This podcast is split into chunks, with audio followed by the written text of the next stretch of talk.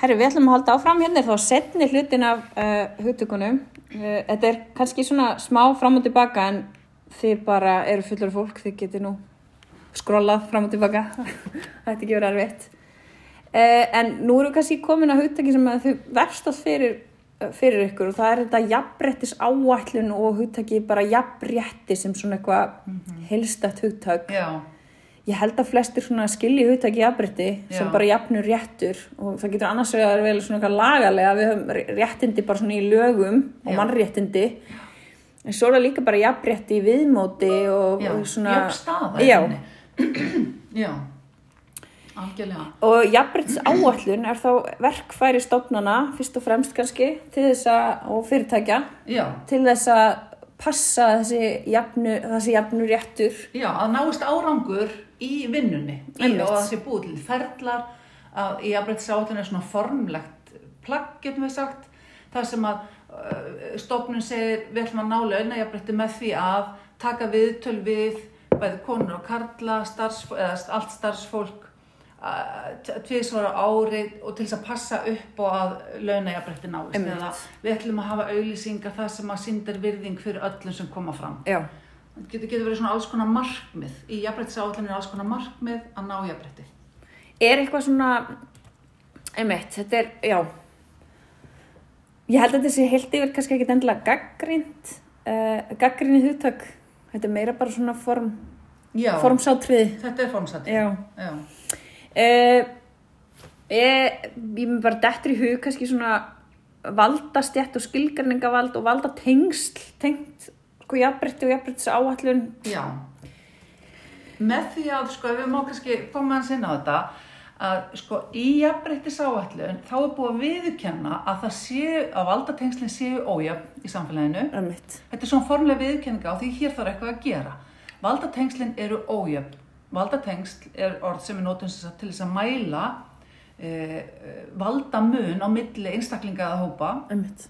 og þannig erum við að viðurkenna uh, ójafið á milli karla og kvenna og nú veit ég tala í tvíhyggjunni og hérna uh, valdastjættin, það er þá sá hópu sem hefur meiri vald Einmitt. og getur þar með skilgreint fyrir alla hvað er rétt og hvað er Einmitt.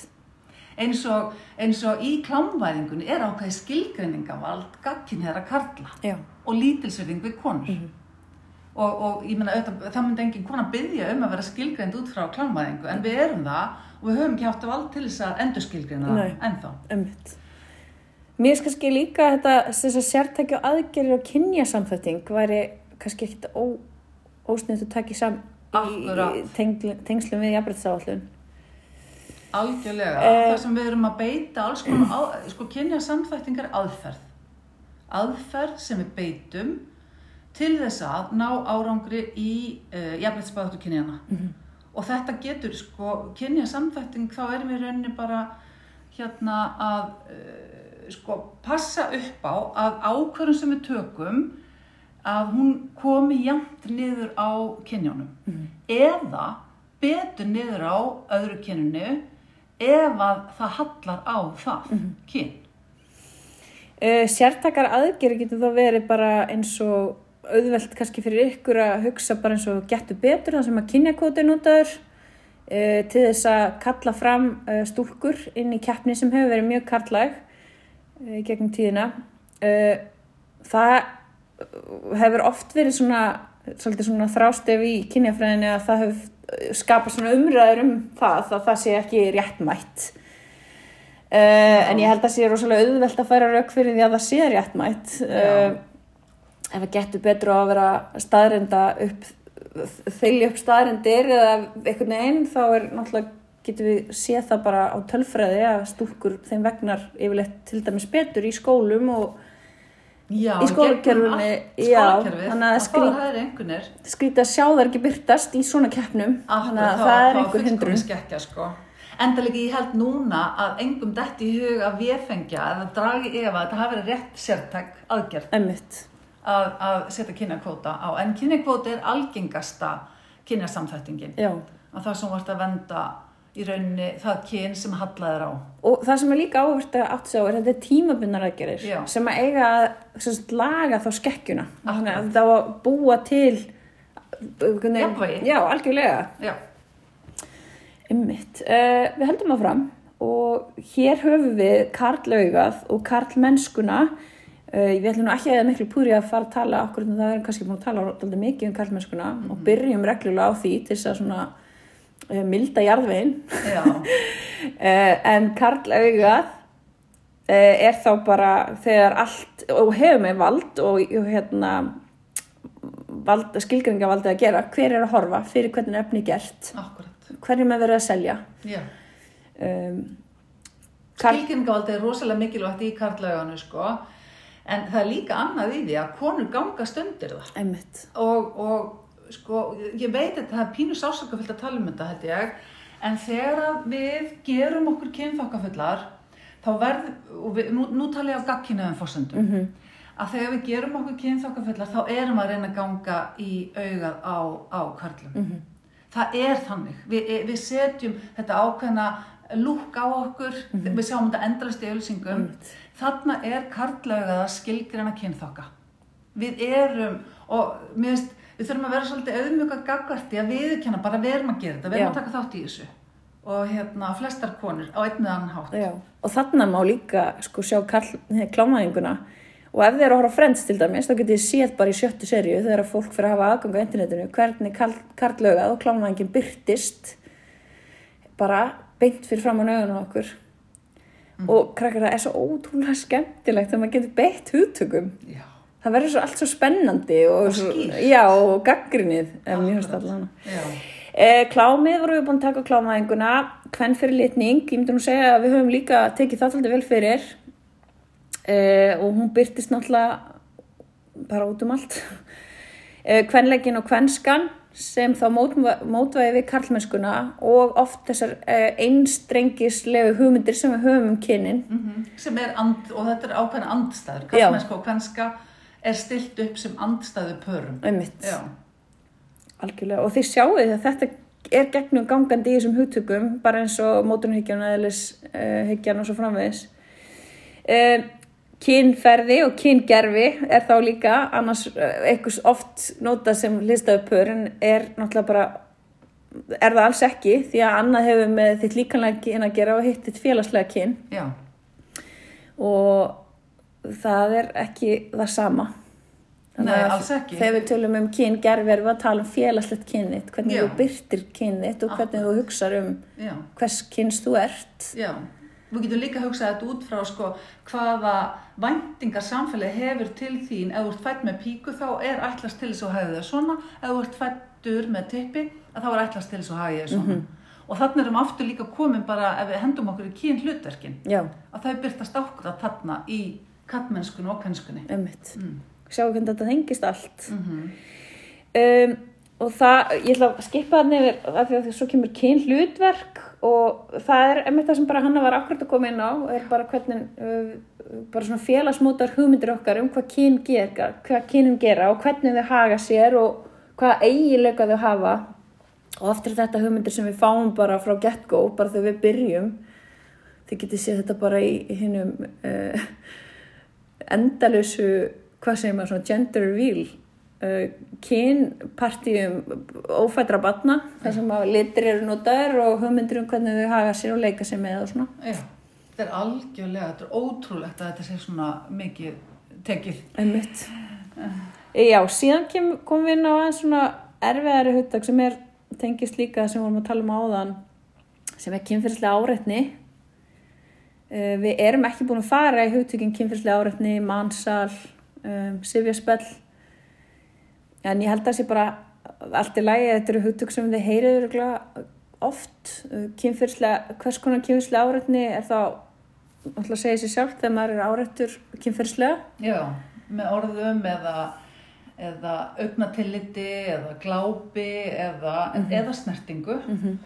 Eða, og sko kynfærslega árætning getur líka verið myndbyrting sagt, til dæmis eins og dagatöl af, af, af ko- útglendri konu að það getur virkað mjög auðveldlega kynfærslega árætni á konur en líka á karla. Þannig að þetta getur verið í mjög margvíslegu formi. Og, te- og, og náttúrulega eh, fellur undir þetta kynbundna ofbeldi. Já, uh, ég held, ég heyrði svo ótrúlega áhugavert um daginn og var verið að tala um og því reyndar einhver ykkur hafa kannski séð og verið að tala um hvernig konur uh, eru hrættar Já, ganga með likla í myrkri eða þú eru ekki að, eru varar um sig. Og þetta tengist beint þessum hugtökum um heimur sem er í rauninni hættulegur konum að því að það er svo mikil kynjaskekkja og, hérna, og, og, og ofbeld gegn konum er náttúrulega talsvert, og að, að valda tengslinn svo skökk. Algjörlega. að, já, og, og þessi endalösa hræðsla er innrætt í okkur og svo er það sko, hinum einn séð frá að þá eru sumir náttúrulega karla gangast upp í því að finna fyr- fyrir valdi þegar þeir hræða. Mhm. sem er auðvitað svona eh, mjög svona óskemmtilegt, auðvitað óskemmtileg upplifin Mhm. en auðvitað upplifa flesti strákar held ég það að þeim finnst bara leiðilegt og leitt að, strák, að stelpum líði svona. En, en, hérna, en það þarf að breyta þessum valda tengslum til þess að konur upplifi sér örugar. Og, það, og alltaf bara allt er lagi að segja, það er ekki verið að gera lítið úr að karlmenn séu ekki beittur ofbeldi eða kynbund ofbeldi en þá er það líka kannski allt er lagi að segja að flestir karlmenn eru beittur ofbeldi af öðrum karlmennum í miklu Já. meiri mæli heldur um konum og það hefur með vald og skilgjarningavald og bara kynhyggjarfi sjálft að gera því miður. Og kallmennskunum. algjörlega Já. og hérna já um, kynbundu ofbeldi, kynfyrsla árætni og síðan höfum við hugtaki mansal. Og mann vísar í þessu til tilvægi til orðsins kona þess vegna er það ekki mann með tveimur ennum. En er oftast í íslensku um, fréttum og svona því að við örgulega hert meira að tala um mansal tengt því bara að það sé verið að fólk sé hérna í vinnu, láluna vinnu, erlendis frá í hörmulegum aðstæðum en heilt yfir hefur mannsal með að gera það að vera að kaupa og selja konur og stúlkubörn um allan heim, Já, með blekkingum. algjörlega. Og blekkingar eru mjög oft partur af mannsali, en þetta er svona nútíma þrælahald hefur þetta verið kallað. Mhm. Og, og mann er sko kona ambátt, sem er ófrjáls kona og hérna langstæsti hluti brota þóla mannsals eru konur, ungar konur og stúlkur í vandi. Einmitt. En á Íslandi þá, þá hafa komið upp mannsalsmál og það hefur verið tengt hérna, byggingavinnu held ég, einhverju slíku. Þannig að karlar lenda líka í mannsali en það er í miklu minn hluta og eins og ég segi, langmest er tengt uh, vændi. Já. Það sem að, að fátakastúlkur frá fátakum löndum eru blektar til ríkari landa og vegabriðan tekin af þeim og hérna og þær eru settar, þær, þeim var plantað, þær eru dópaðar upp og þær eru se- seldar í, í vændi. Og þetta nú, það er líka svo leiðismál einmitt hérna á Íslandi sem hafa komið tengt nákvæmlega þessu en, en einmitt. Uh, síðan höfum við hugtökin normalisering. Ef við tókum nú ekki fyrir að hugtöki sifjaspell. Sifjaspell er yfirleitt talað um á tvenna vegu. Uh, í félagsræðbókunum ykkar er talað um sifjaspell sem uh, ná, hérna, tengsl nákomuna sem verða hjón þá ef að fransískinni ákveða að gifta sig. Mhm. Uh, í dag er ekki talað um sifjaspell yfirleitt svona. nei, þetta er nöðgun nákomin. Já, Þegar einhver sko nákomin nöðgar einhverjum nákomnum sér. Og sem sagt, að þetta er ekki endilega blóðskilt. Þetta Nei. getur líka verið til með stjúptengst. Einmitt. Þannig að, hérna, en nöðgun nákomina er besta skilgreining á nútíma og sérstaklega út frá kynjafræðinni besta skilgreiningin á þessu hugtæki. Já, og þetta er algengustu kynfyrir afbrotamál á Íslandi, sem er ótrúlega sorglegt. ótrúlega sorglegt. Um, já, síðan erum við með uh, við, normaliseringu, við farið í hana líka, það sem að til dæmis bara eins og með klámvæðinguna þegar að uh, klám er bara borið fram á bóðstól bara klukkan fjögur á miðjum degi í sjónvarpinu, en Já. það er í, bara yfirskinni að vera tónlistamindband eða eða það sem að ofbeldi gegn konum er í rauninni normaliserað. Já, og sko einföld svona skilgreining á þessu þegar við gerum eitthvað óvinnilegt eða óeðlilegt að einhverju eðlilegu, að einhverju normal. Og þetta getur verið, þetta getur verið, þetta sitt í jákvæð, já, já, jákvæðan búning, eins og til dæmis, sko einu sinni máttu konur ekki eitthvað klæðast buksum. svo hérna voru buksur normaliseraðar á konur. Og, og einu sinni var klám bara í svona einhverjum vídeoleigum og eitthvað svona var bara svona hulið menningalegt fyrirbæri nú er það, nú er búin að normalisera það í, eins og varst að segja Já. og hérna þannig að normalisering getur verið bæði í rauninni jákvæð það sem þú ert að normalisera eitthvað sem er sangjant og rétt Mhm. eða neikvæð það sem þú ert í rauninni að normalisera eitthvað sem er óæskilegt Mhm. Einmitt. Um, síðan höfum við hérna rauðsokkunar uh, og það tengist náttúrulega bara feminismanum og feministanum. Uh, já, hva, hvernig, hvernig væri best að skilgarna rauðsokkur? Já, sko það er á 50 ára ammali núna, bara þeir áttu 50 ára ammali í gær. Þetta er hópur feminista í, í, í kringum 1970 sem voru bara berjast fyrir alls konar hlutum, leikskóla, fyrir börnin sín, það voru að berjast fyrir því að vera að kon að fegurasamkeppnum, þær voru að berjast fyrir meðgöngurofi, að, að fá að, að hafa yfir á þeir líkama sínum. Það voru svívirðilega flottar konur, Einmitt. svo öfluga, öflugur hópur kvenna, voru stöku kallaðana líka, auðvitað mjög flottir. En þessar konur, þær víluð ekkert fyrir. Það er bara gerðu, þær voru rosalegir hörku feministar sem við ber endalisa verðingu fyrir. Og það er svo fyndið að voru líka bara beittar og nota húmor og þú veist það náðu svo miklum árangri bara í því sko líka. Algjörlega, með, sko aðferðin sem það notuðu voru algjörlega magna, það eins og niður dróðu þær belju í samkomuhús á Akranesi þar sem var fegursamkipna var í gangi. Þess að sína fram á að það væri verið að, að, ha- að hampa konum fyrir útlit bara eins og dýri já. eins og nautgrifi, já og hérna, þær eru algjörlega og það, við eigum þeim eins og bendir á marga, þær náðu miklum árangri í kringum 1970 fyrir konur Og rauðu sokkarnir. Já, það er eitthvað skandinavist, það sem að rödd strömpe, Já. það var einhver sko, þetta var, þetta var tekið fra, Já, þetta er svona eins, eins konar tákmynd. tákmynd fyrir. Emmitt. Já, annarar bylgju réttindabaratu kvenna. Já, á Íslandi. Já. Ógeð svo skemmtilegt. Mhm. um, stalmyndir þekki, það eru stalaðar myndir sem oft er bara tengt við börn. Börn nota stalaðar myndir til þess að skilgrana veruleikan sinn og heiminn sinn og gera hann rosalega einfaldan svo þau geta meðtekið hann. Þegar við verum eldri er allast til þess að við getum hakkað stalmyndir og stalmyndir kynjana sérstaklega þá í þessu samingi. Við erum búin að tala um valdastett og valdatengsl. Vitundavakning er náttúrulega kannski bara frábært hugtak til þess að ljúka þessu hugtakaspjalli á. Já. Og það er bara það sem við erum kannski svolítið mest að vinna með í Já, það er bara kynjafræðinni. öll fokkin kynjafræðin. Algjörlega. Það er bara svoleiðis. Að vakna til vitundar, að geta skilið þessa fjölþættu hugsun sem Mm. að felst í því að bara stróka út eitthvað íhald og gamlar hugmyndir og byrja að hugsa hlutina út frá öðrum sjónumöðum.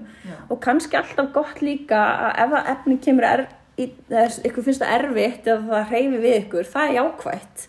Það á að hreyfa við okkur og ef við erum í forrindahópi þá er oft erfitt að átt að sjá hérna, er einhverju sem hefur verið kúaður eða þakkaður og að heyra það og þurfa að gangast við því, það er líka oft getur verið flókið. Algjörlega, en það er svo mikið hugur ekki að gera það. Æmitt. Það er svo ótrúlega fallegt þegar að, og stert þegar að fólk getur einmitt sko, uh, sko farið í auðmygtina og sagt bara já, mér finnst leiðilegt hvernig, og mér finnst vond og ég vil breyta því að ég hafi rétt sem að einhver önnur manneski hefur ekki. Og það er með það, og það, þarna liggur jafnvægi, þarna er það jafnvægi sem að við erum að leita að með kynjafræðinni sem eru þetta bara, við getum kallað hana sértaka aðferð af því að Einmitt. sko í, full, í fullkonu heimi þá verður engin kynjafræði. Æmitt. Þú veist, þá hún verður bara ónöðsynleg. Eins og hérna, þannig að hérna, og mér finnst líka rosalega mik mikilvægt að við höfum alltaf í huga þegar við erum að læra þetta, að við erum að búa til betra samfélag fyrir alla. Já, og það er líka svo góða punktur að því að, að þegar við erum með samtöl eða við erum að rýna í hann texta, við erum ekki að tala við okkur sjálf. Við erum ekki alltaf að samtala við okkur sjálf, það sem að allt sem að, við erum að reyna að fá okkur nýtt inn, við erum að að samtala við okkur annan og það er svo gott fyrir okkur að minna okkur á það, Já. að heyra önnur sjónumið. Algjörlega og taka þið inn, hugsa um þau og bregðast við. Mhm. Þannig, þannig fer námið fram. Já. Það er algjörlega geggjað. En við vonum að þetta hefur hjálpað ykkur bæði að skilja hugtökin og líka geta notað þau beitt þeim af því nú, bara heyrum við þessu hugtök út um allt og því, ef við hlustu á fréttir þá verða að beita þessum hugtökum daglega og líka þið getið með öðuldu móti uh, áttu ykkur á dæmum þessu tengt. Já, Einhverjar hérna góðir eitthvað fyrir hugtakaprófi sem er gott af í huga. Já, ég held að við þurfum bæði að skilja, við þurfum að skilja hugtakið bara svona með haustum, svo þurfum við að finna það einhvern veginn í því hvernig við hugsum líka, sko. Að, að geta beitti að því að hugtakaprófið reynir bæði á skilning á fyrir hugtakunum en líka hvernig þau eru notuð, mm -hmm. eins og þú ert að segja, sko. Að hérna, þannig að, og þið þurfum að vera ansið sleip í þessu, þið þurfum að hafa hraða hugsun um hugtökin vegna þess að hugtakaprófi mun reyna á hraða hugsunar eitthvað líka. Mm -hmm. Af því þið fáið bara ákveðin tíma til þess að, að horfa á mynd og meta hvað er ég að horfa á til dæmis. Já, ummitt. Mm. Gangi ykkur vel. Takk fyrir þetta.